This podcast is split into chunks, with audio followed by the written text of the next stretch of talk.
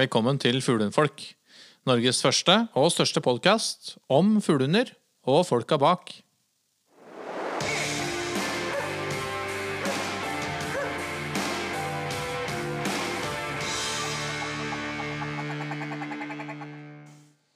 Hei, kjære venner. Hallo. Hallo, hallo. Deilig å være samlet eh, ved Mjøsas bredder igjen.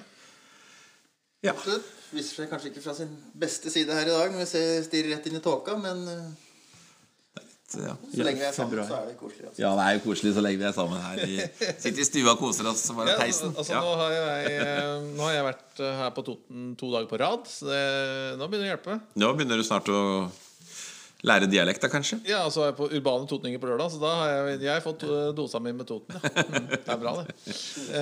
Høres bra ut. småbruk på deg nå. Ja, nå, blir, nå lukter, lukter det småbruk på Toten. Småbruk nede ved Mjøsa. Ja. Men eh, apropos søndagen og min tur til Toten, eh, Magnus. Eh, det er rom for litt selvskryt, eller? Snikskryt? Selvskryt? Snikskryt? Ja, vi kan jo, kan jeg nevne i hvert fall i forbi. Det var, en god, det var en god dag for deg og Storm eh, på søndag. Har du stilt ut Magnus? Eh, jeg prøvde men jeg, Ja, nei, jeg, sto nå Viste ut av ringen. venninna til Anja, som uh, ja, ja. ja. står for, uh, for den utstillingsbiten. Men uh, får vist fram Storm fra sin beste side, hun. Så, ja. I utstillingsringen, i hvert fall. Så er det bare opp til meg å få stilt den på jaktprøve og få vist den fram på Ja, for det ble, ble en, det ble en haug med, med sløyfer i går. Det blei sløyfe, ja. Så nå er den, har den vel fikk sitt tredje sånn sert. da som det Syns jeg så rødt, hvitt og blått der, ja. ja. Så da Det kan du bruke på 17. mai. Det er veldig bra, har jeg skjønt. Så det, det Gjenbruk. Gjenbruk. Det er veldig bærekraftig, faktisk. mm, Nei da, så det, nei, det var artig å være på utstilling igjen. Det var Møtte mye hyggelige folk og Ja, det det var min, eh, min første utstilling på fryktelig mange år. Så det var, var gøy og et morsomt gjensyn til det. Og jeg så på Instagrammen vår eh, etterpå at det var ganske mange andre av eh, følgerne våre som hadde vært på samme utstilling. Så det var ganske mye, ganske mye bilder fra Det er Innlandet fuglehundklubb sin eh, vinter... Hedmark og. Oppland fuglehund. Det. Hedmark og Oppland. Det heter vel det, tror jeg. Ja.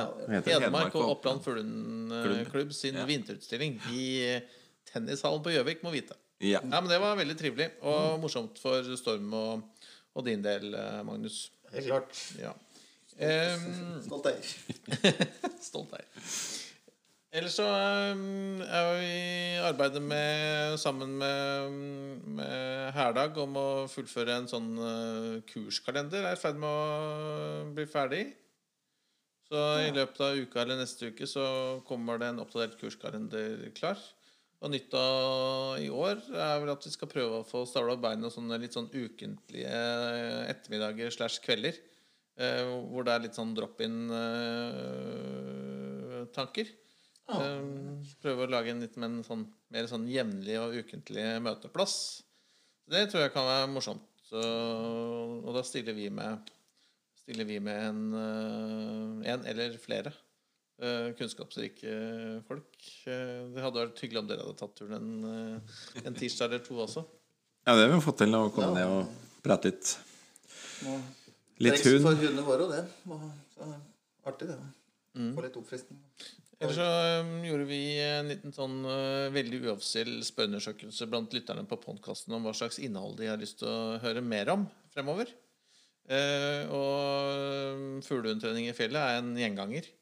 Um, Så det skal vi snakke litt mer om i neste episode, for da er vi på fjellet. Um, det har vært en stund siden sist, og det har vært litt utfordrende forhold i fjellet med veldig djup løssnø. Det har blitt bedre nå de siste ukene, så det, nå, er det, nå er det mulighet for å få, få brukt den fjellturen til noe fornuftig også snart. Ja, men nå har hundene ligget på lading nå en, i januar, egentlig, så det har de sikkert hatt. Har dere hatt godt av det? Det, var, det ble noen dager med jakt i høst, ja. Det ble jo det, så det har de fått eh, spist og vilt godt. Så da blir det, nå som februar er her, så er det Er det full pakke? Kjøre på. Ja. Gleder vi oss til. ja. I dagens episode gutter, skal vi eh, snakke med Alexander Christensen. En eh, Kristiansen, ja. Kristiansen. Alexander Alex Kristiansen. Ja. eh, han, det er jo en eh, Han er jo dommer.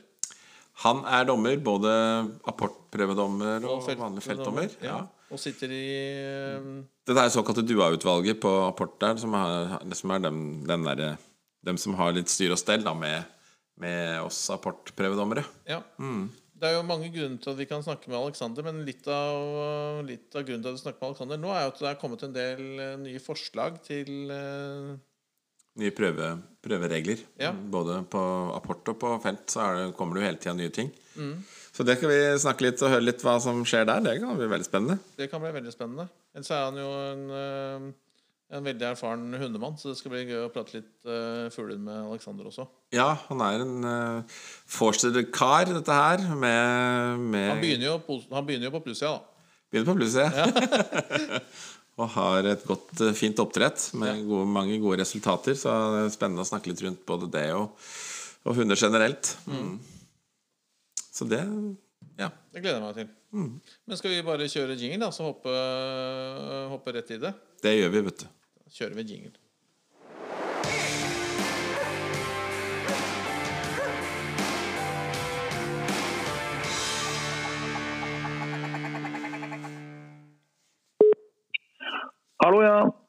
Hei, Alexander. Det er Espen, Bjørn og Magnus av Fuglehundfolkpodden som ringer. Hei sann, hei sann. Du, eh, vi har eh, laget en bitte lite innledning til eh, hvem du er og hva du driver med. Men jeg, jeg tenker for de av lytterne våre som ikke kjenner deg så godt fra før kan ikke du fortelle litt om deg selv og hva du driver med? Og så skal vi eh, snakke masse fuglehund i løpet av den lille timen vi skal snakke sammen. Ja, det kan jeg. Ja. Eh, ja, jeg heter Alexander Kristiansen. Jeg eh, har drevet med fuglehund i kanskje sånn 25 år. Eh, det er vel det er forster, kortere forster som er min rase. Jeg jeg eh, har tatt, utdannet fase 1 og fase 2-instruktør og er apportdommer og jaktprøvedommer. Og har Ken Drypestegens Ja, det var kanskje det basic om meg. Ja, så hører vi jo på, på dialekten din at du, eh, at du befinner deg et eller annet sted i nærheten av Stavanger-området, muligens? Jeg befinner meg i Sandnes og utenfor Stavanger i Rogaland fylke. Kanskje et av de fylkene som har minst ryper i hele landet. Så det er jo kanskje et paradoks at de driver med fuglehund her, da. Men sånn er det. Reising. Det er jo noe Rugdøyjakter på, er det ikke det? Det er mye rugde her til tider, ja. Det er både spennende og vanskelig, det. Det oppveier jo litt, da. Så det, det er en veldig bra sak. Vi har jo litt ryper, da, men eh, det, det, det er ikke så mye. Nei. Er det ikke, den der, eh, er det ikke sånne Er det Setersdalsheien og sånne ting? Er ikke det liksom Eller er det lengre Det er jo, det er jo Altså Det nærmeste for oss er jo oppe i Sirdalen. Da kommer vi rett over grensen til Agder. Det ligger Ja. liksom, Sirdalen ligger i Agder, men det er der alle skavanger folk drar. Så Der er det jo eh, jaktterreng, og der er, det er der Rogaland fugleklubb har sine jaktprøver. og Så drar du lenger østover, så kommer du til Setesdalstraktene og Valle og opp til Hovden. og Der har jo Agder fugleklubb sine prøver. Akkurat. Jeg har hørt at det er litt sånn, eh, litt sånn eh, ganske vanskelig terreng, egentlig. Altså at eh, det er veldig mye sånn Hva skal jeg si for noe? Sånn opp og ned. altså ikke sånn Ja, veldig Ja, veldig sånn kupert. Liksom ikke sånn at det er mange hundre meter opp og ned, men liksom at det bare er sånn Ja, bare 20-30-40 meter opp og ned, liksom. Sånn at det blir sånn litt uoversiktlig av den grunn. Kan det, stemme det, eller er det bare noe jeg har drømt? Nei da, altså i, eh, på, på, det, altså på de prøvene eh, til Rogan fugleklubb, i de trengene der, så er det relativt kupert, ja. Eh, også, men på Hovden så er det mer, mer vidder da, og flatere. ja, da kommer det opp av, opp av litt høyere strøk. Mm. Ja, ja høyere og, og flatere, da. Det er det. Så det, det er litt forskjell på de, men, eh, men ja, det er ikke så mye som egentlig hvis du har en god hund, så takler han alt. Ja, ikke sant? Ikke sant? Og, det, og du har jo et uh, oppdrett, du må snakke litt om det, da. Det, altså, vi er jo vorsterfolk, vi her. Ja, Og, ja. som vi sa det, sa det akkurat i stad, at det er et godt utgangspunkt, sånn sett. Ja, du, er. Du, er, du, er, du, er, du er bra mann med en gang når du er- når du er forster. Det er godt, og jeg føler meg hjemme allerede. Nei, jeg har, altså, jeg har jo det, jeg synes jeg har det beste kennelnavnet i hele Norge. da. Eh. Når jeg skulle registrere kennelnavn, så, så kikker jeg på alt mulig med ryper. da, Rypemyra, rypefjell og. Alt var opptatt. Og så tenker jeg jeg skal sjekke da, Rypesteggen. Nei, det var ikke tatt. Oi, ja. Så da registrerte jeg Rypesteggen står for ja, jeg vet ikke hvor lenge det er siden. Om det er en eh, ja, over ti år siden i hvert fall. Ja. Så jeg har hatt, eh, jeg har hatt tre, tre vanlige kull, og så har jeg hatt et lite kull med to valper som bare er litt over et år nå. ja. Um, og det er jeg ganske stolt over Rypestegen der jeg har oppnådd der. For at uh, på de tre kullene der så er det tre NM-vinnere. Ja. Så er det en åtte championat, og så er det rundt sånn 30 VK-premier. ja. Oh. Og hvis en ser på barnebaner, så er det tre NM-vinnere der òg. De, de, de som går ett uh, ledd lenger bak i tid. da. ja. Så, så det er Ja, så har jeg et nytt kull på gang nå, da. Så hvis det er noen der ute som vil ha første sortering av eh, NM-vinner. så er det jo bare å ta kontakt. Noen, noen som vil ha en ny NM-vinner, så er det bare å ringe, si. Ja. Ja, det er bare å ringe. Eller, ja. Nei, men det er vel korte trekk, det med rypestengen. Så jeg, eh, jeg eh, har opprettet her i Sandnes av korthår. Mm. Har du vært eh, forstemann hele tiden, eller har du vært innom noen andre raser? Jeg har mine synder, og, og eh, jeg òg i fortiden. Jeg startet med, jeg startet med korthår Aron, eh, som var en, eh, en god hund, men han, hadde, han manglet det trøkket som, som skal til for å være helt i toppen. Da. Han var en god viltfinner og hadde eh, ti premier på jaktprøven, men så fikk jeg meg en engelsetter etter det. da. Eh, og det var vel kanskje en kombinasjon av eh, at jeg var fremdeles litt uerfaren på den tiden, og at den hunden der var ganske uregjerlig. Så den, den ble Ja, skal vi Den, den var, når den var i UK, så fikk han første UK. Og så jeg tror en sånn søksmessig hadde gått helt, helt i toppen av VK. Og når jeg kom over i AK, så bikka det helt over. Da var det over alle fjell og vidder og vekk i flere timer osv. Så, videre. så det er det korte oppholdet de har hatt med, med da. Uten det så har det bare vært kort. da. Jeg har vært litt borte i strihår, for jeg førte inn strihår ganske lenge fram til å bli uh, jaktchampion. Og jeg vant NM-laget i 2008 med den med strihår Forster. ja. Så Jeg har, eh, det, men det er Bjørg Våge og Ellen Våge sin hund. da. Eh, Og jeg har vel har en, en liten eh, andel i, i den hunden der, men, det, men ikke alt. Så, så var, var en viktig bidragsyter. da, Men det, det var et veldig kjent, eh, eller kjekt bekjentskap da, med strihår. Ja, nei, det, det, du har gjort noe riktig i hvert fall i forhold til de seleksjonene du har gjort når du har, eh, når du har eh, valgt ut avlshunder, tydeligvis, da. Ja, det er det som jeg er veldig fornøyd med. For, fordi at jeg har avla en god del på fart og format. Eh, eh, når jeg dømmer, så ser jeg jo eh, så ser jeg litt forskjellige kvaliteter på hunder i forskjellige raser. og Forstraffene kan være litt sånn ymse. og, og jeg har, jeg har liksom avla på at dette er hunder som kan markere seg godt i VK. og gå til vinne NM og gå til NM-finaler osv. Så. Eh, så det er det jeg har satset på å få fram en hund som kan konkurrere mot alle de beste.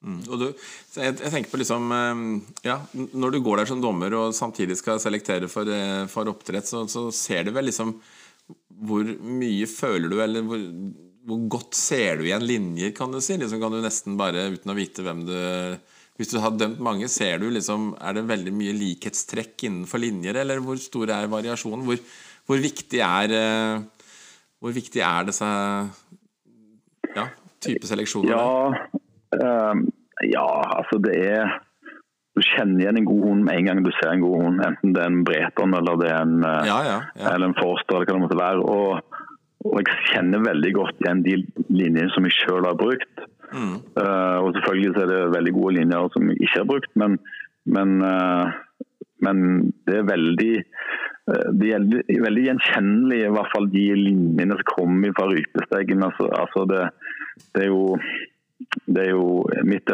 oppdrett er jo rypestegen, så altså det er en veldig god kompis som heter Sveinung Steine, som har Suldølens.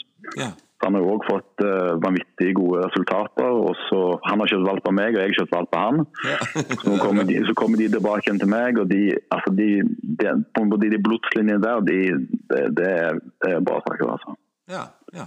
Mm. Og så kan jeg, så kan jeg presse på f.eks. En, en hund som er sønn av uh, søstera til hun som var da stammoren i mitt oppdrett. og uh, Du kan kjenne det igjen, ja. Absolutt. Mm. Men hvor mye påvirkelig syns du det er? Liksom sånn, for det er jo klart øh, Veldig mye, mye jo, Veldig mye av en god hund er jo trenbart, ikke sant? For at det skal bli en god hund. Men liksom, hvor, hvor føler du Ser du noen, liksom, noen, Har du noen sånne klare begrensninger som du tenker at uh, dette her Nei, dette her går ikke? Eller Skjønner du hva jeg mener? Altså uh, hvor, hvor, Ja. hvor setter du grenser for um, hvor bra en hund hvor, hvor ser du at en hund kan bli veldig bra, eller at uh, det ikke kan bli veldig bra, liksom? Er det mulig å måle?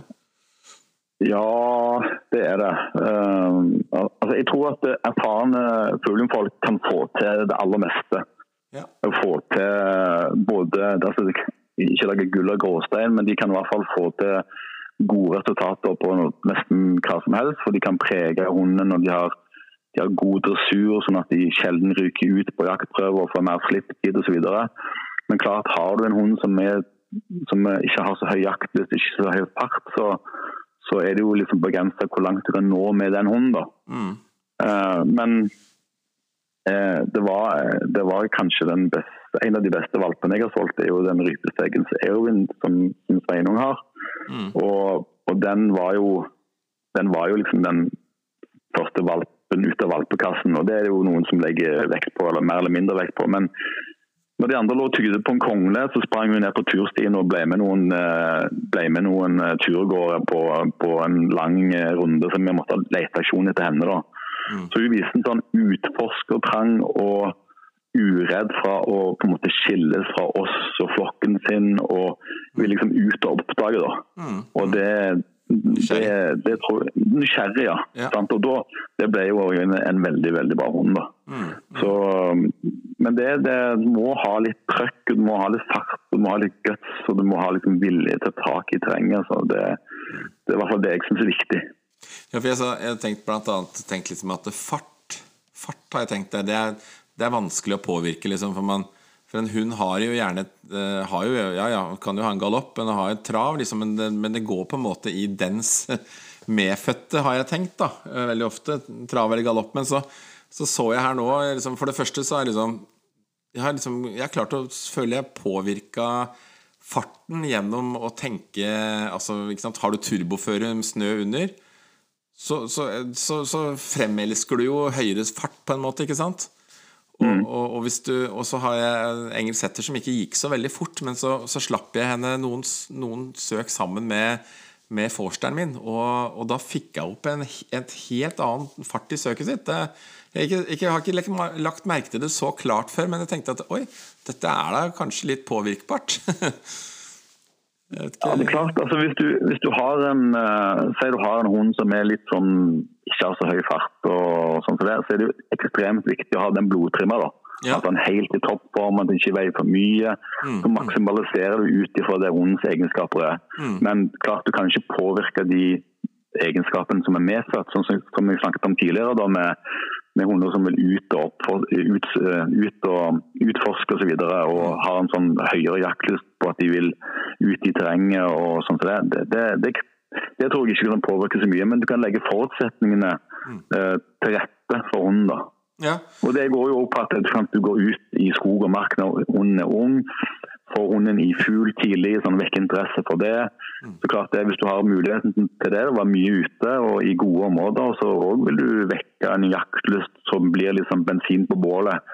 Men hvis du bor midt i byen og liksom første gangen eh, hunden ser en rype når den er to år, så, så måte ligger jo den langt langt etter. da. Så på den måten så kan du jo påvirke det, selvfølgelig. Ja, ikke sant? Ja. Nei, men det er liksom det Ja, det, det er liksom litt eh, Man sier jo gjerne det at eh, jo mer kreativ en eh, sånn eh, instruktør eller en trener er, jo Altså, jo bedre fuglehundtrener er han, på en måte. Fordi det ligger mye i kreativiteten å ja, finne, på, finne, på, måter å gjøre ting da, som, som, som gjør at ja. hunden kan lykkes med det. Mm. Ja, det er jo det en kaller for erfaring. Ja, ja for eksempel det. For eksempel det. mm. Ja, absolutt. Nei, men spennende, da. Veldig spennende. Um, Litt av grunnen til at eh, vi hadde lyst til å snakke med deg, Alexander, er jo um, at det nå Du må ikke arrestere meg på begrepene, men det er, det er foreslått nytt, eller noen nye regler. Eh, både på apport og, um, og feltprøvene. Ja.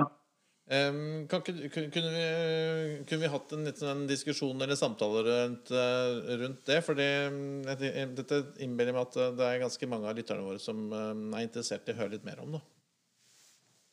Ja, jeg kan ta litt om det. da. Mm. Altså, jeg, jeg, sitter jo i, i dommerutvalget rapport. da. Um, så, mm. så sant, disse, det som jeg sier nå og mener nå, det er jo mine private uh, meninger, selvfølgelig. Og det, det, det, er jo, det, er jo, sånn det er. Uh, når det gjelder apport, så har det jo vært en prøveordning hvor uh, det har vært lov med tørka fugl og dummy. Mm. Og den ble jo da, Det var lov da i, uh, i fjor og i år og den dispen gikk til. Um, og det Grunnlaget for, for, det var jo at, at vi bruk, for, forbruker så mye vilt uh, at det kan før så kunne det ligge hauger med, med fugl uh, og ligger råtne i solsteiken i 30 grader helt til det kom makk ut av kjøttet osv. Så, videre. så det var jo for å begrense, begrense dette forbruket av fugl at det ble lov med tørka fugl som kan gjenbrukes mange ganger og dummy eh, som, som, heller ikke går utover eh, forbruket av matvilt. Så Det var jo tanken bak, eh, bak denne prøveordningen å begrense bruken av matvilt. Og Nå er det jo et nytt jaktregelverk som skal på plass. Det er jo mai eller juni det blir fuglehundting. Mm. Og Da blir ting vedtatt der, og så blir det tredje kraft på 1.1.24. Og Det som da er foreslått inn eh, som ny jaktregel, da, er at det er lov med, det er lov med tørka fugl det er tørka fugl på jervøvelser og lov med dummy på vannprøve. Men det er ikke lov med fersk fugl. Mm. Så Da kan du ikke stille med en hel rype eller en hel due eller en hel and eller hva det måtte være. Du kan stille med en, med en and, men da må bryststykkene skåre ut. Akkurat, ja.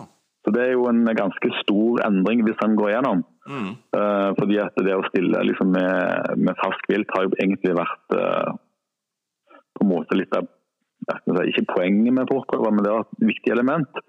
Men uh, sett opp imot, sett opp imot hva samfunnet mener om oss, og de valgene som vi tar, så, det, så vi, vi taper vi litt på å ta det valget. Men vi vinner veldig mye òg med tanke på at uh, vi ikke sløser bort så mye mat.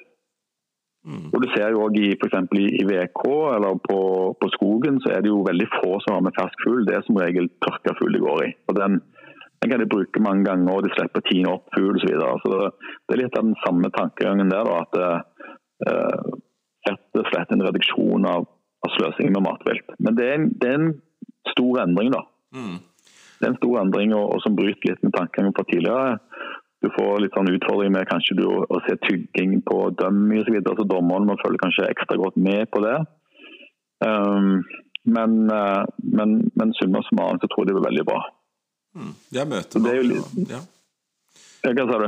Nei, Da møter, møter, man jo alle, og alle blir fornøyd, liksom. Så du, ja da, du kan stille med, med du kan stille med f.eks. på sporet så kan du trekke en fugl som har bryststykkene skåret ut. og Den vil lukte like mye som, som en vanlig fugl. Mm. Så Der er det jo helt klart ikke vits å trekke en flott rype liksom, gjennom skogen i to dager og beholde liksom. det. Det er bare å kaste bort eh, en, en flott fugl. Mm.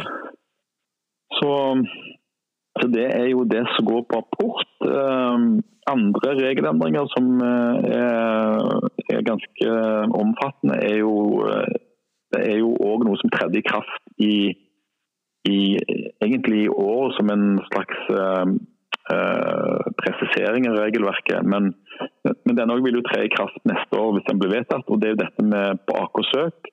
Så kan du, ikke du kan ikke få bedre enn laveste poengsum. Så hvis du nå får f.eks. ti på den første fuglen, og så får du seks på den eh, nummer to, så blir jo dette da 16, og det delt på to blir 8, så da er du inn forbi den første premie. Mm. Sånn, For å forenkle det veldig, da. Sånn, du, subjektive skjønn ligger jo inni her.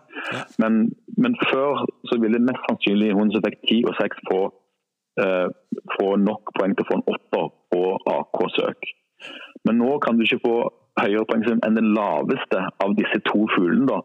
Håper ikke det er forvirrende når jeg snakker om fugler, men du, dommeren på en måte vurderer den prestasjonen på den første fuglen, og så dømmer han prestasjon, presentasjonen på den andre fuglen. Og så blir det et helhetsinntrykk ut ifra det. da. Men Hvis dommeren mener at den første var bare til en sekser og den andre til en tier, så kan ikke den hunden få bedre enn seks. Skjønner. Ja. Så Det er en endring på AK-søk. Som sagt, den har, vært, eh, den har på en måte gjeldt i år, men ikke sånn offisielt i jaktprøveregelverket. Og så er det òg oppe et forslag om å stramme inn på den poengskalaen som, som har vært en stund nå. Det har jo vært sånn at eh, poengene 10, 9 og 8 har eh, kvalifisert eh, til første premie, og, og 7 og 6 til andre premie, og 5 og 4 til tredje premie. Da har det kommet inn forslag om at, eh, å stramme inn på, på det òg, sånn at nå, da vil det bli kun 10 og 9 som kvalifiserer til første premie, og, og da 8 og 7 på andre premie, og 6, 5 og 4 på tredje premie. Mm. Så Da vil det stamme ett poeng på den biten der, hvis det går gjennom. Mm. Og det er jo et eh, Jeg syns jo personlig at det blir delt ut for mange første AK. Mm. Eh, Premieringsprosenten på popover er veldig høy, og, og av de som får premie, så er det, er det veldig stort flertall som får første AK. Mm. Mm. Og, og det går litt på respekt for det vi holder på med. Klart at eh, I noen kretser så er det jo snus og plask-prøver, og det er bare stille opp så får du første AK. Mm. Og den første AK-prestasjonen den skal være den skal være, det skal være en høy prestasjon, både på jaktprøver og på rapport. Eh, Så Det er på en måte tanken som ligger bak det, da, at det blir delt ut for mange førstepremier av de som blir premiert. Ja. Ja nei, jeg har tenkt, eh, tenkt på det tenkt på det sjøl. Det, er liksom, det blir veldig mange førstepremier, og da blir liksom på en måte det en del av hopen, i stedet for at det blir eh, de beste, liksom, på en måte, da. Ja, altså sånn personlig så, så må jeg alltid dømme ut ifra regelverket, men, men jeg syns jo noen ganger at det den hun viser oss nå i dag, det, det vil ikke si var en særde- særdeles god prestasjon, men ut ifra regelverket så skal den ha første AK. Mm, mm. Eh, Så, men det er jo ganske store endringer, da. Eh, Både med AK-søk og den poeng, eh, poengskalaen er veldig store endringer. og Det har ikke skjedd så veldig mye egentlig de siste årene. Nei. Men jeg, jeg er en tilhenger av at ting ikke må være likt hele veien. At vi på en måte kan, kan se at sporten utvikler seg. Altså, Se på jaktprøver før. da var det jo på en måte Slipptiden var jo enorm. og Du skulle gjerne ha 60 minutter sammenhengende slipptid. og det var, jo, det var jo helt andre regler enn det er i dag. Mm. Så det er jo ingenting som, som blir likt eh, over tid, uansett hvilken gren en snakker om. Nei, ikke sant. Ikke sant. Og skogen så ble det sant, Du trengte ikke ha apport, det var nok med apport til å vise skogen. Så kom det tilbake igjen at du måtte vise apport. Så ting, eh, så ting er i endring, da. Mm, mm. Ja, nei, men det, det gir jo litt nye utfordringer og, og nye mål å, å, å strebe imot. Ja, altså jeg synes at eh, eh, liksom når du lykkes, så skal du være veldig fornøyd, for det ligger mye trening bak. og Du har en god hund, og det skal være tilfredsstillende, og, og premien skal henge høyt. Og, og folk skal liksom si wow, du fikk en første AK. Mens hvis det blir for lett, så forsvinner litt av gleden, syns jeg. da. Ja, Hva tenker du f.eks. På, på jaktprøver, og dere som sitter der i panelet. Mm. Du får en første AK. Du er veldig fornøyd den dagen, her, altså, for det er en premie som sitter enormt høyt. Kanskje Ja. høyere enn en VK-premie òg. Ja, ikke sant. Du skal gå 60 minutter uten noe særlig med minus. Mm. Og Derfor er jo den prøven så gjev å få òg. Mm. Hadde det blitt sånn at av f.eks. at eh, 55% av alle som fikk premie på fjellet, fikk en førstepremie, Mm.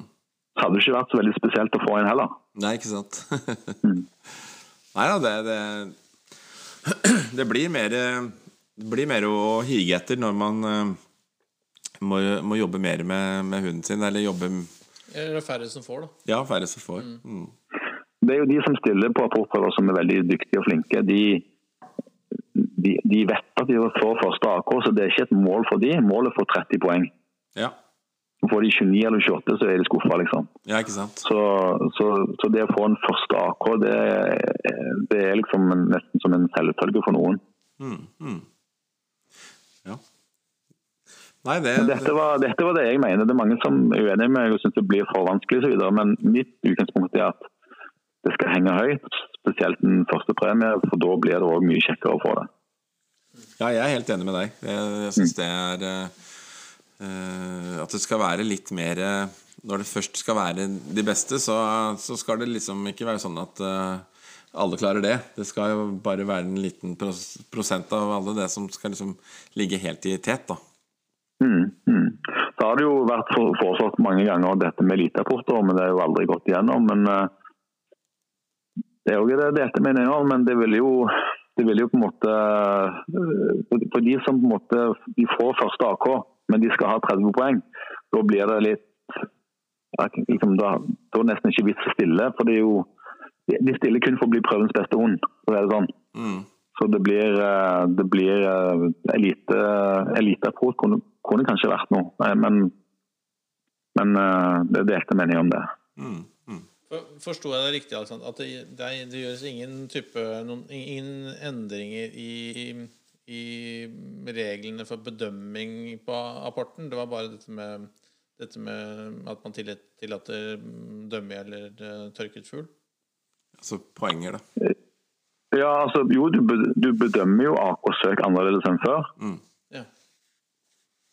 Eh, fordi at eh, du, når du skal da gi poeng, så har du andre kriterier for å gi poeng. Så da bedømmer du det ulikt. ja. Så det blir strengere strengere også på apport? Ja, hvis det går igjennom. Det for, dette er forslagene som eh, har kommet inn til, til den revisjonen skal være av jaktprøveregelverket. Ja. Og det har vært alle, alle fugleklubbene og jaktforeningene har jo hatt eh, har, jo gått gjennom regelverket og kommer jo med sine syn. Eh, og så har jo alle forskjellige antall stemmer på tinget, og så skal de jo stemme over dette her. da. Um, og så har det vært en sentral dommerkonferanse òg, hvor liksom de eh, dommerutvalgene diskuterer osv. Så, videre, så så dette er jo ikke noe som har gått igjennom, da. Nei.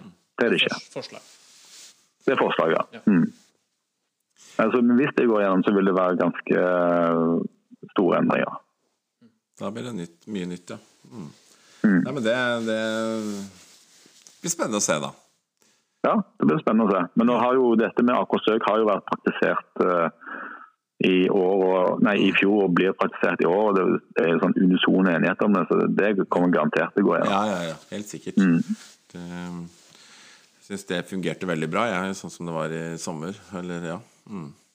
Ja, det, jeg syns det var, var en fin måte å gjøre det på. For du kan tenke deg, hvis du har um, Nå blir det kanskje litt sånn teknisk med dommer, og sånn som det, men på, for eksempel på AK Søk da, så, så, tok du, jo- så tar en dommer og bedømmer prestasjonen. For det er jo to prestasjoner. Du har jo den første og den andre fuglen i AK. Så bedømmer den ene, ene fuglen og den andre fuglen. Så hvis du får den første fuglen er helt perfekt applaudert, det er liksom soleklar tier, og så går hun ut på fugl nummer to, og så tygger han så mye at du trekker fire poeng. Mm. Da får du likevel første AK. Mm. Ikke sant? Ja. Og da får du 10 pluss 6, 16 delt på 2, 8. Mm. Og det er ikke så enkel kulerammebedømming, men jeg bare på en måte prøver å sette det opp litt sånn så folk forstår. Mm. Og da kan du gjøre ganske mange Altså du, du lager en prestasjon som jeg ikke syns fortjener en første AK. Hvis du driver på tygger fuglen så mye at du trekker Nei, fire nei, poeng. det, nei, ikke sant? Ja, nei, da, Mm. nei det, jeg er helt enig med den eh, tanken der. Mm. Så det, nei da, men, eh, men så har vi feltprøver òg. Det er vel noe nytt på gang der òg? Ja, det er noe nytt på gang der òg. Ikke så veldig mye sånn revolusjonerende, men det er jo forslag f.eks. Jo, det er jo kan- kan- kanskje litt uh, Dette her med ro i oppflukt i, i AK og VK. Eller det kanskje det kun var AK, det er jeg ikke helt sikker på. Men det var jo forandret til at fra å være ro i oppflukt og skudd, så skulle det være ro og akseptabelt rolig i oppflukt og skudd. Det vil si at det blir en at en gjør det litt lettere på en måte. Da, at det blir ikke så strengt bedømt. Mm. Uh, altså når du, har, når du går og søker, eller du går i AK og du har et fuglearbeid, så skal jo hun reise den fuglen og være komplett rolig og fullt til skudd. Den skal ikke gå noe etter fuglen.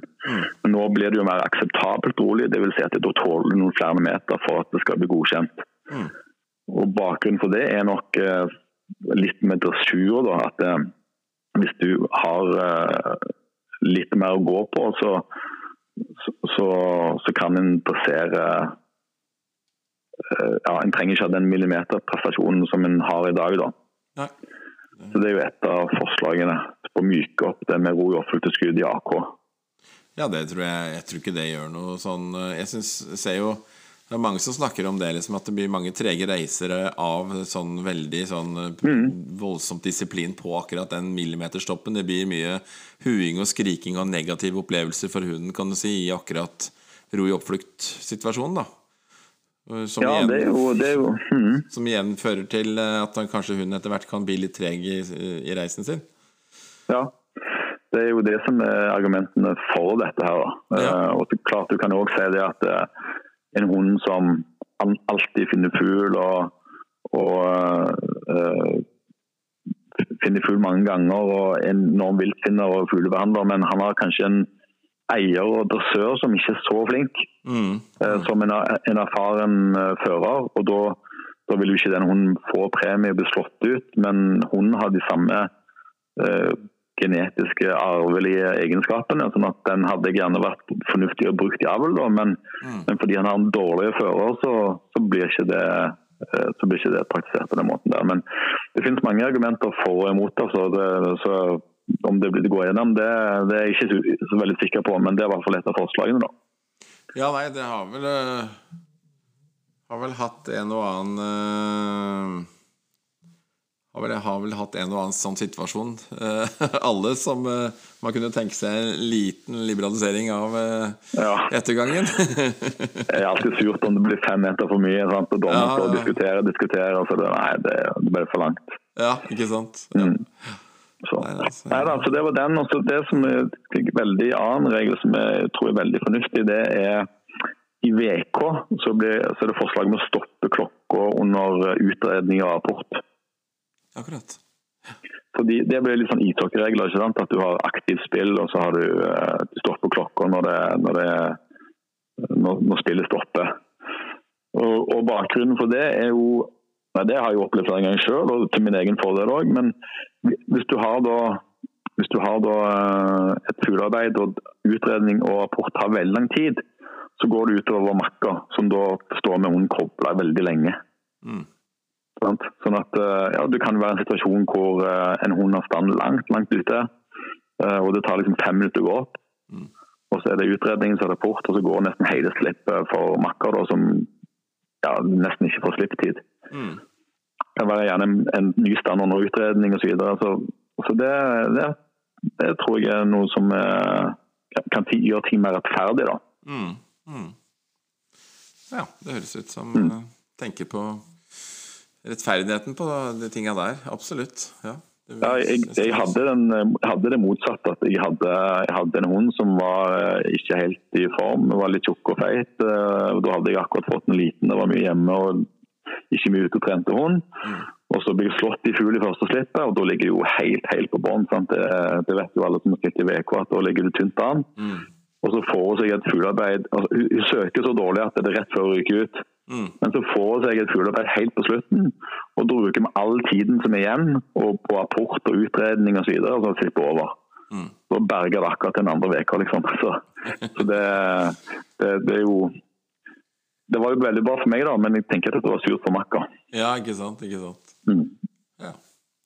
Nei, Og den siste, kanskje mest største, eller det som i hvert fall påvirker oss på Vestlandet mest mulig, da, er jo at uh, rugde ikke skal telle som, skog, altså som ikke være tellende vilt på skogsfuglprøver. Okay, ja. Så Da er forslaget at på skogsfugl så er det kun storfugl og orrfugl som teller.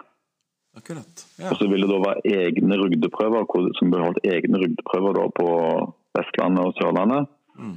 hvor rugde er tellende vilt. Akkurat. Og det er jo det, det, det er noe vi her nede er veldig veldig imot. fordi da blir det en slags sånn de-evaluering av, av, eh, av eh, om du får en premie på rugdeprøve eller skogsfuglprøve. da. Mm. Vil det liksom, hvis, det, hvis de blir skilt fra hverandre, da vil de ha samme ja, samme valør, holdt jeg på å si, om det er en rugdeprøve eller om det er en eh, skogsfuglprøve? De vil ha samme valør, ja, men sånn i hvert fall i teorien. Men, Ja. men det vil jo Det er jo mange som mener at rygdeprøven er, er det for lett å få premie, og det er jo en høy premieringsprosent. men det er jo enormt tette områder her nede. da. Har prøvd å stille her nede, så er det jo veldig tett. og Man hund som holder veldig god kontakt. Mm. Uh, og det at det er mye fugl, det er jo både fordeler og ulemper med det. Men det kan jo sprette opp fugl i hytt og pinevær, og du pådrar deg masse minuser. Så det kan òg være veldig vanskelig å komme seg gjennom 60 minutter uten å ha tråkka feil. altså. Mm. Mm. Så alt henger sammen. Så, men det er der, det er der, det er det sterk motstand mot, og det jeg tviler på. Det kommer til å bli vedtatt, men det er i hvert fall et forslag. Mm. Og så er det også forslag om- At skulle Uh, argumentene er, er fordi uh, Et av argumentene er fordi at jeg mener det er for lett å få, uh, få premie for AK på rugde, fordi at premieringsprosenten er høyere der enn på skog. Uh, og så er det vel Ja, det er vel det at med rugde ikke De mener det er forskjell på rugde og, og, og på, ja, få en premie på en, på en rugde og en årfugl, da. Uh, men altså en, en Årfuglkylling kan trykke som bare juling i august. Og en rugde kan springe 100 meter på bakken. Så, så det, det er ikke den store forskjellen. Hva sa du? Nei, det er jo ikke akkurat nødvendigvis noe lettere. Og, så det burde jo være Jeg tenker at å ha med det må jo være positivt for å Hvis det er huden som skal bedømmes. Og hvis den Det, altså prestasjon er, nok, et, prestasjon er nok ikke forskjell på. eh, men det, altså jeg har snakket med dommere Jeg dømmer, jeg dømmer mye skog her nede, men ikke så mye på, på skog på Østlandet. og sånt, og De kan jo gå en dag nesten uten å se fugl. Så det, det er mer det med premieringsprosenten er at det er så lite fugl på skogen at det er så vanskelig å komme altså Noen dømte NM semifinale. De hadde ikke, de hadde ikke, ikke én stand i løpet av hele semifinalen. Nei. Så jeg tror det går mer på det at eh, det blir Det er ikke, det er ikke lett å få premie på nei, det er ikke lett å få premie på rugdeprøve, men det er mye fugl. Så så på den måten blir det lettere, men prestasjonen er like høy. Men det er jo bare for de som er imot å bare komme ned og hente den første AK, hvis de vil. Ja, ikke sant? Ja, nei, men det Nei, det er vel eh, rom for å diskutere og forhåpentligvis bli enige om, om hva som blir eh, videre der. Ja, for det var, nesten, det var egentlig nesten det neste spørsmålet ditt um, til, uh, til deg, Alexander. Var jo det um, Du fleipa litt innledningsvis med at det var um, litt sånn Det var litt rart du drev med fuglene når du holdt til på, på Vestlandet. Og det var langt mellom uh, rypene. Og da, hva, hva, er oppskriften for å få uh, gode Jeg bor midt i Oslo, og jeg også har ganske lang vei til området med fugl. Så det, er- har du noen, hva, hva gjør du for å lykkes med det? Er det rugda som er oppskriften, eller hva? Hvordan, eh, hvordan får, du, får du så gode hunder når du bor så langt fra Rypefjellet? Altså, det var sånn, jeg, jeg, tok jo satte litt på spissen da med at det ikke finnes ryper i Rogaland. Men, men jeg tror nok det er i hvert fall et av de fylkene hvor det er minst rypeterreng. Uh, men det er jo òg fordi at vårt rypeterreng er i Agder. Så Det er jo bare en time opp til Sirdalen hvor, eh, hvor vi krysser fylkesgrensen. Så der er, der er jo fjellområder, det er rype her òg, men jeg tror nok at eh, sånn eh, at det er ganske lite fugl sammenlignet med andre fylker. Det er nok. Men du må jo være villig til å reise litt. da. Eh, Du må jo dra på treningssamlinger og selvfølgelig også dra der det er, der det er bare med fugl. Men dette med rugde er jo en enormt god måte å trene ungdommer på. Det er, Nå har nå har en unghund som, som kommer i rugde stykke, og som kan få lov til å komme i ny eh, fem minutter etterpå og ny fem minutter etterpå. Da får du den repetisjonen som du kanskje får på lavland òg. At du, du, kommer, veldig, du kommer veldig ofte i fugl. Og så vidt òg nordpå, hvor de, har, eh, hvor de har, kan gå rett bak eh, opp bakken fra huset og, og trene på ryper. Så, så, så, Rygder er genialt å ha på unghund sånn sett for oss her nede. da. Men, men, det har jo vært sånn at alle måte, landsdeler har hatt sin fordel. altså De som bor oppe i nord, de, de kan bare gå rett bak huset opp en bakke, og så, trener, så har de fuglearbeid på, på ei rype. Og jeg må kjøre to timer. Mens vi har Rugder her nede, og så har de hatt uh, fasan og rapphøns borte i uh, Vestfold og opp med opp med Hedmark, Hed, Hedmark og Oppland. Ja, på Telgøya og Nes der. Ja, mm. så, så de, de, har jo de har, Alle har på en måte sine fordeler og ulemper, uh, men, men Rugder er, er, veldig bra fugl å trene på, trene på unghorn. Men det var en ting jeg glemte å si. Ja, ja, nei, det var jeg kan komme inn på det seinere, men uh, sagt, jeg kom inn oppskriften. Han må ha mye fugl. Så Espen han er jo en eh, bygutt som eh, er litt på jakt etter enkle løsninger, men det, det fins dessverre ikke. Nei, det er ikke så mye rydder i Oslo heller. Så det er mye kaffebarer, men det hjelper ikke så mye. Ja, Nei da, men altså, det, det, er ikke så langt ut. Hvis du setter bilen rett nordover, hvor lang tid tar det før du er i OK terreng da? Ja, De siste to årene så har det jo eh, vært veldig store lokale forskjeller, da. Men eh, mm. du må fort uh, Du må fort kjøre tre timer. Ja. Men dere har vel òg skogsområder som er relativt nærme? sant? Jeg bare hører at folk i altså folk som bor i Larvik og Jessheim liksom, de har mye store skog, skogsområder å gå i ganske nært. Ja. Ja, altså, du har jo altså, Skog har Oslo har jo Nordmarka rett utenfor døra. Det er alle ja, ja alle som bor i Oslo, er stolte av Nordmarka si. Det er mm. Så det, der er det alle muligheter.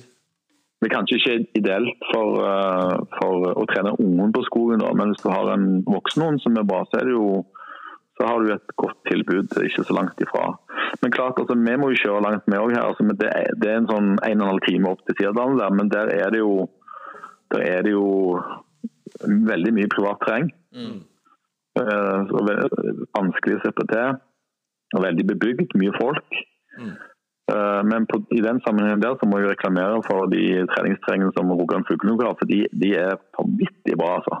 Det er et enormt flott område. Det er litt sånn at du må, du må på ski kanskje en, eh, en eh, time eller to, litt avhengig av om du kan snøre og kjøre inn med en, med en sprek hund. Altså. Men når du først kommer inn der, så er det er det, er det veldig flotte terreng. Så de, de, som bor her, har gode muligheter. Da. Men du kjører kanskje en halvannen time i bil, og så en time, time inn til terrenget. Så bruker du to og en halv time før du er der inne. Mm. Så du må legge inn en liten innsats, så skal du på en dagstur der, så det, får du ikke så veldig mange timer trening. Mm. Men det ligger i hvert fall der mulig og tilgjengelig. da. Mm. Og så har det vel vært ganske øh, finne muligheter på ja, lavlandstrening og sånne ting òg, men det, det, er vel noe som driver og, og slipper litt taket. Det er vel litt uvisst framtid der? Ja, det er jo altså per dags dato Jeg vet ikke når denne påkasten ble sluppet, men det er jo ikke det er jo, det er jo forbud mot utsetting av fugl nå. Men så vet jeg at det skal komme en sånn skyggerapport om ikke så lenge. Ja, og Det vet sikkert dere mer om enn meg, men, eh, men den kan vel gjøre en forskjell da, hvis den skulle gå på en måte fuglen folk sin vei. Men det vet vi jo ingenting om. Man kan jo Du tenker, på den, gå, eh, du tenker på den rapporten i Frevenstad? Ja. ja. ja. Nei, den er vel på jeg vet, hvor, jeg vet ikke hvor stor tyngde den får. Jeg, eh, vet dere det? Nei, jeg har egentlig bare sånn skumma lest forbi at det, at det gjøres, en, gjøres, en, sånn utredning da, for å se på plusser og minuser med, med sånn ut, utsatt fugl. Men eh, de har jo vært utsatt i Norge i uh, veldig mange år, så, så, man vet vel ganske mye om uh, plusser og minuser rundt det. Ja, altså Jeg kan si bitte litt om det, altså hva jeg synes, men, men de argumentene som, som brukes primært så syns jeg er to argumenter. Det ene er at det, at det på en måte er en fare for liksom, det biologiske mannfoldet, at det skal gå ut over andre arter. Sånn, så jeg klarer ikke helt å se det. Det, det har utsatt folk i lang tid, du, nei, utsatt fugl i lang tid, som du sa. Ja, Og de har jo i Danmark og, og i Sverige så har de jo masse fugl som lever i harmoni med andre arter og, og sånn som det, uten at det er noe helt problem. Så hva det skulle komplisere på en måte vår natur på, det har jeg ingen, det forstår jeg ingenting av. Nei. Eh, Og dette her med at, fugl, eh, at mye av fuglen dør på utsatt fugl Mm. altså Fasan og rappens klarer seg utmerket 15 minus de. Det er ingen problem å overleve den vinteren. Er hvis de ikke overlever, så er det primært eh, maten og tilretteleggingen som mennesker kan påvirke. Mm. Og, og på, Hvis du ser på andre utsettinger, f.eks. av fisk, så setter du ut store mengder fisk, for veldig få kommer til å overleve. Det vet du. Mm. Eh, Du, du, du setter ut fjellrev og bruker millioner på fjellreven. Mm. Men, men eh, både rappens og fasan har jo eksistert lenge i norsk natur, sikkert over 100 år. Mm. Så hvis en skal opprettholde, istedenfor å på en måte se det på som en ulempe og, og en fiende i norsk natur, så kan du samarbeide med bøndene om å sette igjen sånne striper i, i, på markene med, med blomster og sånt som det, som gir mer mat til, til fasan og rappen. Så at en kan spille det på lag, istedenfor bare, bare skal forby. Det syns jeg er litt dumt. Mm, mm. Jeg ser jo, vi, vi bor jo tvers over som fra Helgøya, kan du si, da, og, og Stangelandet på Hedmarken her. ikke sant? Og det er jo mye, mye fasan uh, på vinteren. Mm. Så det er jo ikke sånn at det over Mjøsa her og, på sida vår her. Så det Ja, det er ikke sånn at det, liksom det er jo ikke sånn at disse fugla dør liksom eh, om vinteren. Det er jo masse fasan i hagen hele vinteren, så det er jo ikke Ja, altså, det har, vært, eh, det har, det jo, har jo vært ganske godt med fasan her hos oss Mm. på fôrsprøven, og det er det jo for så vidt ennå. Selv om den, altså Grunnen til at det ikke er overlever her, det er jo at det blir bygd ut så mye. Mm. Så Det der var store fasanmarker, det er industribygg og lagerbygninger og sånt. ja, Så det er oss mennesker som har påvirka bestanden av fasaner her nede. Mm, mm. Men vi har jo villfasan, vi setter jo aldri ut noen ting. Nei, ikke sant. Og det er jo det Vi har store, flotte kokker som flyr langt. og sånn som det. Så, så her nede jeg kommer til å være lavlandsprøve her i sikkert mange tiår fremover, eh, men uten at vi setter ut fugl. Ja. Mm. Ja, men jeg ser jo fugl altså Jeg holdt et eh, dressurkurs på Hamar for noen år siden her, eller ja, det er ikke så lenge siden, og det var sånn derre uh, Da fløy det jo kokker rundt ut i, rett utafor appellplassen der og, og gakla til oss, og det var litt artig, det, da.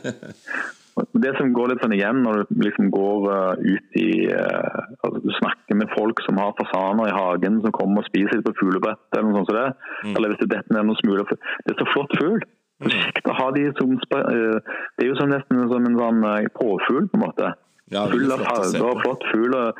Jeg skjønner ikke hvorfor den der store negative holdningen til fasan og rappen skal være. altså. Det, men sånn er det nå. Vi får bare håpe at eh, det blir eh, en endring på det, sånn at denne eh, lavlandssporten kan leve videre. Det, det, det er personlig hva jeg mener, da. Men Jo, jo. så er det andre meninger enn det. Men jeg har jo Fuglingklubbenes forbund og FKF har jo jobba for, for, for å reversere denne saken. Da. Så jeg tror nok at i Fugle-Norge så er det så ønsker, ønsker nok de at det skal fortsette med å sette ut uh, fasaner og rappens.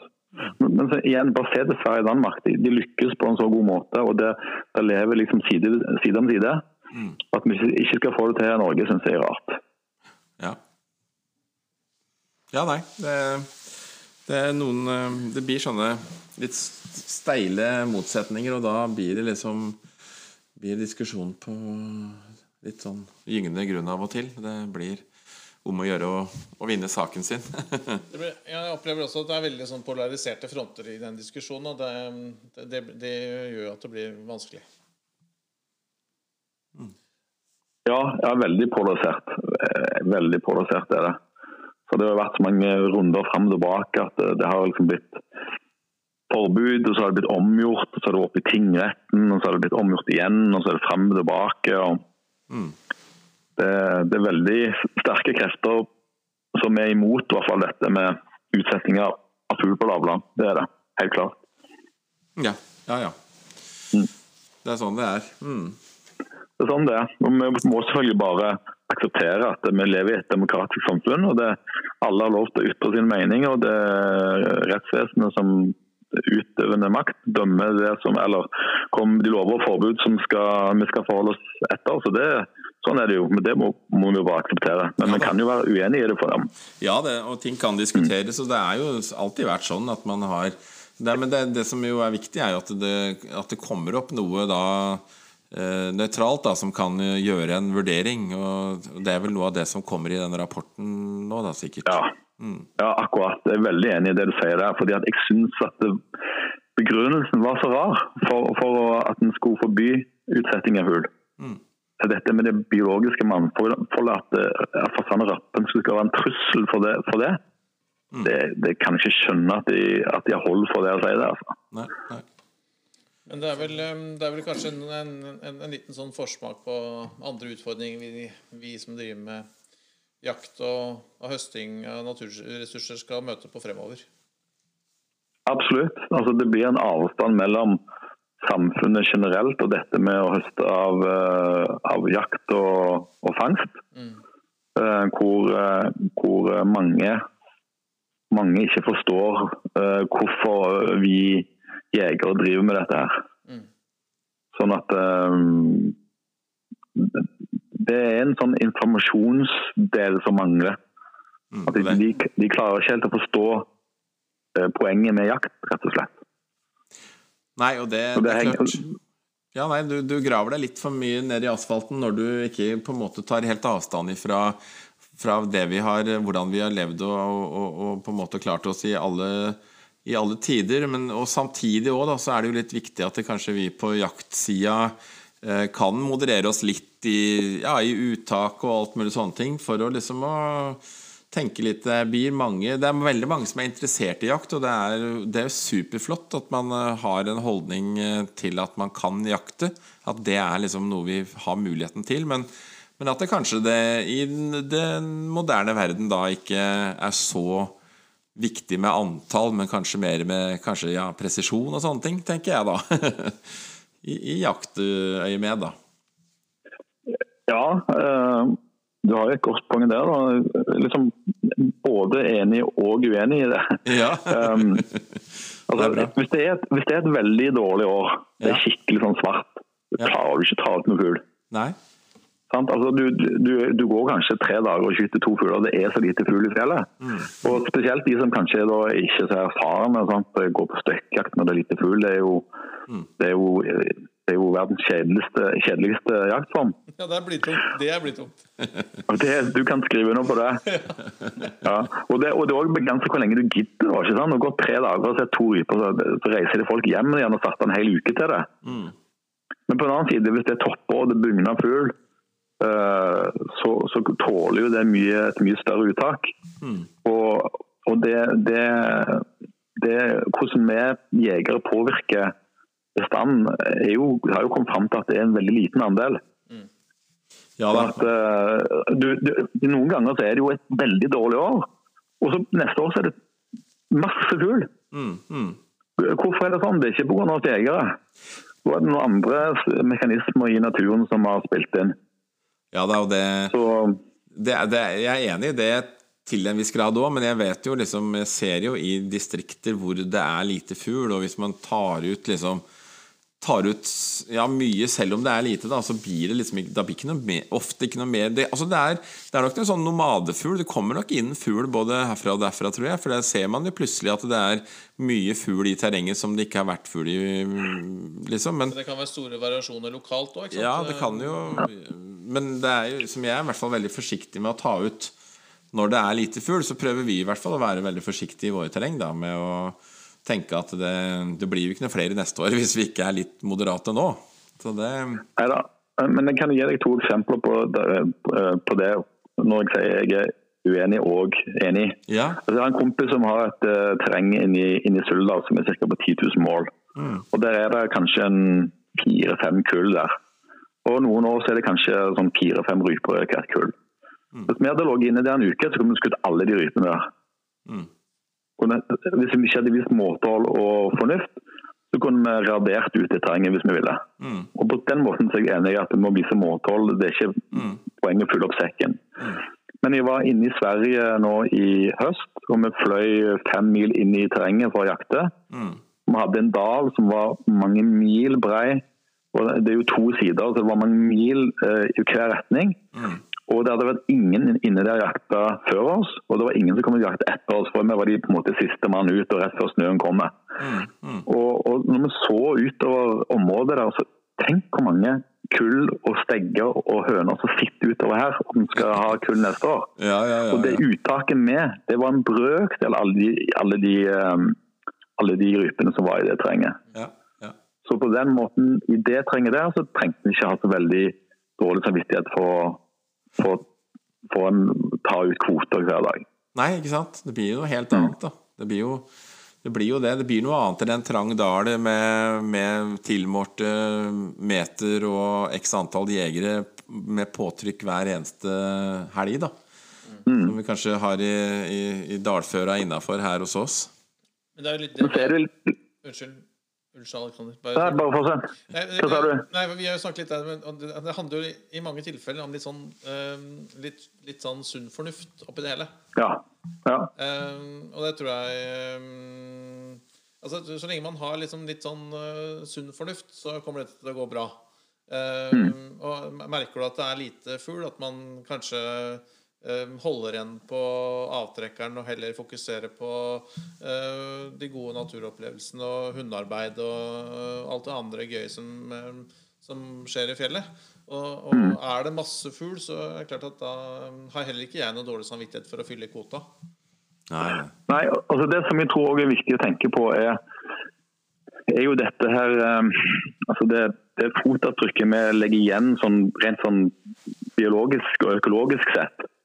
Tenk deg hvor mange tonn mat som blir tatt ut hvert år med ryper og elg og hjort og rådyr osv. I, i Norge i løpet av et år. Det er jo da kjøtt og matressurser som vi ikke trenger å avle opp, sånn som gris og kyr og sau osv. Nå er ikke saus ille rent sånn eh, økologisk, da, men, men da trenger vi jo da trenger vi ikke å, å ha, et sånn, uh, ha så mye gris og ha så mye uh, kyr i, i kosten vår. Det er jo mye mer fornuftig å, å felle en elg med et skudd som har levd hele sitt liv eh, i skogen og aldri spist noe kraftfôr eller stått i et eh, fjøs, oppvarma fjøs hele året. Det finnes ingenting bedre enn å, å, å mer på en måte økologisk fornuftig å felle den elgen. da. Det, det finnes ingenting bedre enn det. Nei, det er eh, noe mer bærekraftig mat finnes ikke. Så, så det, det Noen ser negativt på det uttaket, men hvor mer egentlig vi tar ut av naturen, jo mer skåner vi egentlig naturen. For Alt av produksjon av dyr går jo utover. altså Du bruker energi, du importerer kraftfôr fra en land, et annet land som blir fraktet med en eller annen båt til Norge osv. Så, videre. så det å hente ut vilt er jo veldig naturvennlig på den måten. Absolutt. Bare, for, bare for å ta et lite eksempel, så hadde jeg nå på, på lørdag så hadde vi en viltvinter med gode venner. Hadde vi en syvrettersmeny med, med tre kjøttretter. og Det var rugde til forrett, og så var det tiur til mellomrett, og så var det reinsdyr til hovedrett. Alt var skutt eh, av de som var med på den middagen. Det var mat som vi slapp å kjøpe i eh, fryseren på Rema 1000. Ja, ja, ja. Det er innafor. Det er øh, Godt innafor. Og så er det liksom sånn Det er så mye mer enn bare maten når man spiser det sånn, ikke sant? Det er, det er, jo, det er jo historiene rundt uh, maten man spiser, ikke minst. alle jak, Selve jaktopplevelsen og alle ting som, som jo er en del av den middagen, da. Så det, Ja, ja, helt klart. Det er- Det er, jo, mer, det er jo mye mer enn bare kjøttet. Ikke sant? Det er, mm. Så det er eh, noe av det fine med å være jeger og kunne spise egen mat, syns jeg. Med eh, ja, det lille ekstra. Det blir jo så vanvittig mange jakthistorier rundt det bordet. Sant? Og mimring tilbake i tid og, og tenke fram på andre ting vi skal gjøre. Så, eh, så klart det. det. Det er både sunt for uh, sjel og kropp. Ja, ja, ja. ja, ja. ja, ja, ja. Nei, det, jeg, husker en, jeg husker en rypemiddag som det var litt spesiell. fordi på bordet så var det sånne små reagensglass som sto, og, og i dem så var det eh, noe, noe småstein. Ingen som tenkte Ja. over Ingen tenkte særlig over det før vi liksom eh, fikk da servert at dette her var stein fra kråsen eh, i rypemagen. Ja, ja, det var det første jeg tenkte på. ja. Ja, og det, og, da ble, og det ble jo en stor fascinasjon, ikke sant? Alle Wow, yes, se, der, ja, just er det, ikke sant? Og da ble det mye snakk rundt det, da. Og, ja, sånn, så på den måten så blir sånn, sånn type mat liksom så mye mer enn bare maten, da. Det blir en opplevelse. Mm. Ja, absolutt. Det er helt klart. Mm. Der har eh, hver ene av oss et ansvar som er jeger. Ja, der har vi ansvar. eh, Der har vi et stort ansvar å formidle det som er eh, det positive i det vi driver med. Ja, ja, absolutt. Altså, det, er jo, det er jo mye mer økologisk fornuftig å sitte og nyte noe reinsdyrkjøtt enn å spise en, eh, en gris som har levd hele sitt liv inne på et eh, en grisefjøs nesten uten å ha sett eh, dagslys. Ikke Nå overdriver jeg kanskje litt, eh, for det er sikkert bedre forhold her i Norge, men i hvert fall i Danmark så er det sånn at de, de, det er liksom skikkelig industri. da. Det, de står på en lite område. og Ja, ja, ja. Nei, det det, Jeg tror nok elgen har det bedre enn en gris, for å si det sånn. Ja, jeg er så glad jeg vokste opp på elgkjøtt, sier jeg.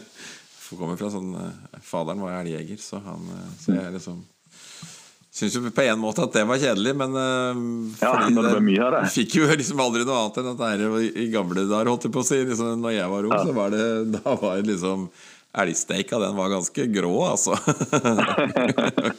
Godt Ja, stekt. ja, jeg ser den. Ja, Det finnes mange hjortejegere her som er så dritlei hjort, for de har hele fryseren fullt med, med hjort og gir vekk osv. Men Ja, ja. klart det, det, det å gi vekk mat òg altså, Hvis noen skyter mye ryper, og så, så spør folk ja, men hva skal du med all den fuglen, ja. den kan gi vekk til slekt og venner. Ikke sant. Det er ikke noe, det er ikke noe verre det enn at, du, at en hjortejeger her nede har så mye hjort i frysen at han gir vekk eh, mat til andre som setter pris på det. Og det er i hvert fall, som jeg har sagt til folk jeg kjenner, som, eh, som har, kanskje har eh, hatt en del rype i fryseren, og så sier jeg ja, for, for all del, hvis du skulle finne det, tenke tankene at nei, dette her begynner vel å bli litt gammelt, så, så, så, så må du i hvert fall så fall henge det opp og lage apportryper av det. Ja, ja, ja. For det vil de ha et, eh, et godt liv å si, som apportrype etter den har vært i fryseren, hvis det hvis den er blitt, hvis den er blitt glemt der. ja Vi må huske å skjære ut uh, brudstykkene på den, da, sånn at det ikke er noe mat går til spille. Det er akkurat det. det, er akkurat det. Ja da. Men uh, vi, vi begynner å nærme oss en, en, en, eh, den gylne timen, uh, Alexander. Men er sånn avslutningsvis, er har du noen, er det noen planer for eh, 2023? Er det noen mål eller planer? Ehm, ja Ja, jeg skal jo ha kull da, på, på hun som heter Kava. Og så har jeg en uh, unghund som heter Juni, som er et vanvittig stort talent. Den, hun fikk første UK i høst, og hun har vel hele vinteren i UK fremdeles. Så det er en del å stille hun en god del. Og prøve å få noen gode resultater på hun. Går over AK i april, da, så da er jo målsettingen for hun oppe i VK. Og så skal jeg dømme NM-semifinale på Andøya i vinter. Det gleder jeg meg veldig til. Ja. Ja, Vi var invitert oppover, faktisk, men eh, det kolliderer med Camp Villmark for vår del. Ja, OK. Det Ja, er, det var samme, er samme helgen. Ellers så, Vi var jo der i fjor. Ja. Mm. Jeg har vært der flere ganger på Andøya. Altså. Nei, og så driver jeg jo med Fantastisk sted. Ja, ja, helt utrolig. En paddeflatt øy så kommer disse her eh, haitennene av noen fjell de er rett opp for fra ingenting. Så det for oss som er vant til sånn slake, avslipte fjell her nede på Vestlandet, så er det, er det mektig å komme opp der. altså. Ja, og så er det rart å høre Å, å stå på stranda og høre rypa knatrer. Ja. I, I fjæra. ja, helt spesielt. Rype i fjæra, ja. Det det jeg driver på med noen filmprosjekt òg, da. Uh, Ja. altså der, eh, jeg jeg filma nå i høst eh, på rypejakt, og så skal vi filme vinterjakt nå i februar. Og så blir det en ny runde til høsten, da, og da har jeg en ferdig film. Så jeg, uh, helaftens film som skal slippes i november eller noe sånt. Ja, en rypejaktfilm Det- med hund. Det er rypejakt med stående fugl, ja. Ja. Det, er, det er liksom det meste jeg driver på med, er med, med stående fuglen. Så planlegger jeg òg en, en, en film om ruggejakt og en mer sånn apport-instruksjonsfilm òg. Ja. Mm. Så det er liksom litt av de prosjektene som, eh, som blir i 2023. Ja. Høres ikke ut som du blir arbeidsløs i 2023 heller. Nei, eh, det skal være nok å henge fingrene i det. Det skal det. Ja, det er bra, da. Eh, For de som har lyst til å bli bedre kjent med deg, eh, har du noe Instagram eller noen nettside sånn som du har lyst til å henvise til, eller? Ja, jeg har vært så, såpass old school nå at jeg har lagt nye uh, hjemmesider nå. Så rypestegnes.no. Mm. Der finner du uh, filmer og planlegging av kull og avlsfilosofi og kontaktinformasjon osv. Så, videre. så rypestegnes.no, der finner du ganske mye. Men jeg er på Instagram, Instagram også, altså. Men uh, ikke sånn uh, sånn at jeg er proff, de kan jo finne fram akkurat hva det, det, det blir Alexander Kristiansen 71 jeg på Instagram. Ok. ok. Men det er på rypestekkens.no det er lettest å komme i kontakt med deg? Ja. Det, det, er, det skal være noen kontaktskjema, e-post og telefonnummer der. Så det er nok det beste sånn sett. Veldig bra. Veldig bra. Ja. Men, uh, takk for en uh, veldig trivelig prat. Eh, I like måte. Og veldig lærerikt, eh, i hvert fall for meg. Det var gøy å få litt sånn innsyn Ja. i disse nye foreslåtte reglene og forstå litt eh, bakgrunnen for det. Det syns jeg var veldig spennende. Og så, um, er- Viktige, viktige refleksjoner. Ja, veldig. Jeg tror det, det, det temaet Vi har vært innom dette temaet det vi var helt, helt avslutningsvis var innom også, er, et, eh, er nok noen temaer som eh, vi skal diskutere eh, i flere episoder fremover. Jeg tror eh, Vi som er jegere, vi må tørre å, tørre å stå i det. Ja. Ja, ja. Altså, jeg tror det er en sånn sammenheng med det at vi skal på en måte ta hensyn og akseptere at det finnes et annet syn på jakt enn vårt eget. Samtidig som vi ikke på en måte skal være uh, Vi skal ikke være um, på en måte Vi skal være stolte av å drive med jakt. Vi har ikke, vi har ikke gi opp, liksom. Nei, ikke sant? Vi kan ikke liksom slutte å legge ut eh, flotte bilder av rype og reinsdyr på Instagram og så videre fordi at noen blir støtt av det. For da, da, da får det bare bli støtt av det. Men jeg blir støtt hvis jeg ikke får lov til å gjøre det. Mm. Mm. Så jeg, jeg synes det var veldig bra som han Torbjørn Hansen sa, at han var, at han var kjøttjeger og stolt av det. det. Jeg er veldig enig i det han sa. Men skal være stolt av å jakte. ja, ja, ja. Absolutt. Ja, det er, det er kloke ord å runde av med. ja. Ja, men bra, men vi, eh, Jeg håper vi snakkes eh, igjen, Aleksander. Og så har det vært hyggelig å treffe, truffet deg en eller annen gang, men det høres ut som det er mulighet for det på noen prøver fremover. Treffer nok. På. Vi ses på fjellet. Det gjør vi. Ja. Fint, det. OK, Ja, takk for praten. Ha det. ha det godt, da. Hei, hei. Hei, hei.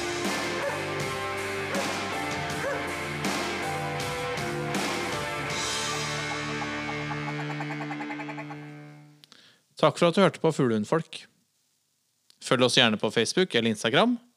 Her kan du komme med spørsmål, eller dele tips og råd du tror at vi andre kan ha nytte av. Vi høres!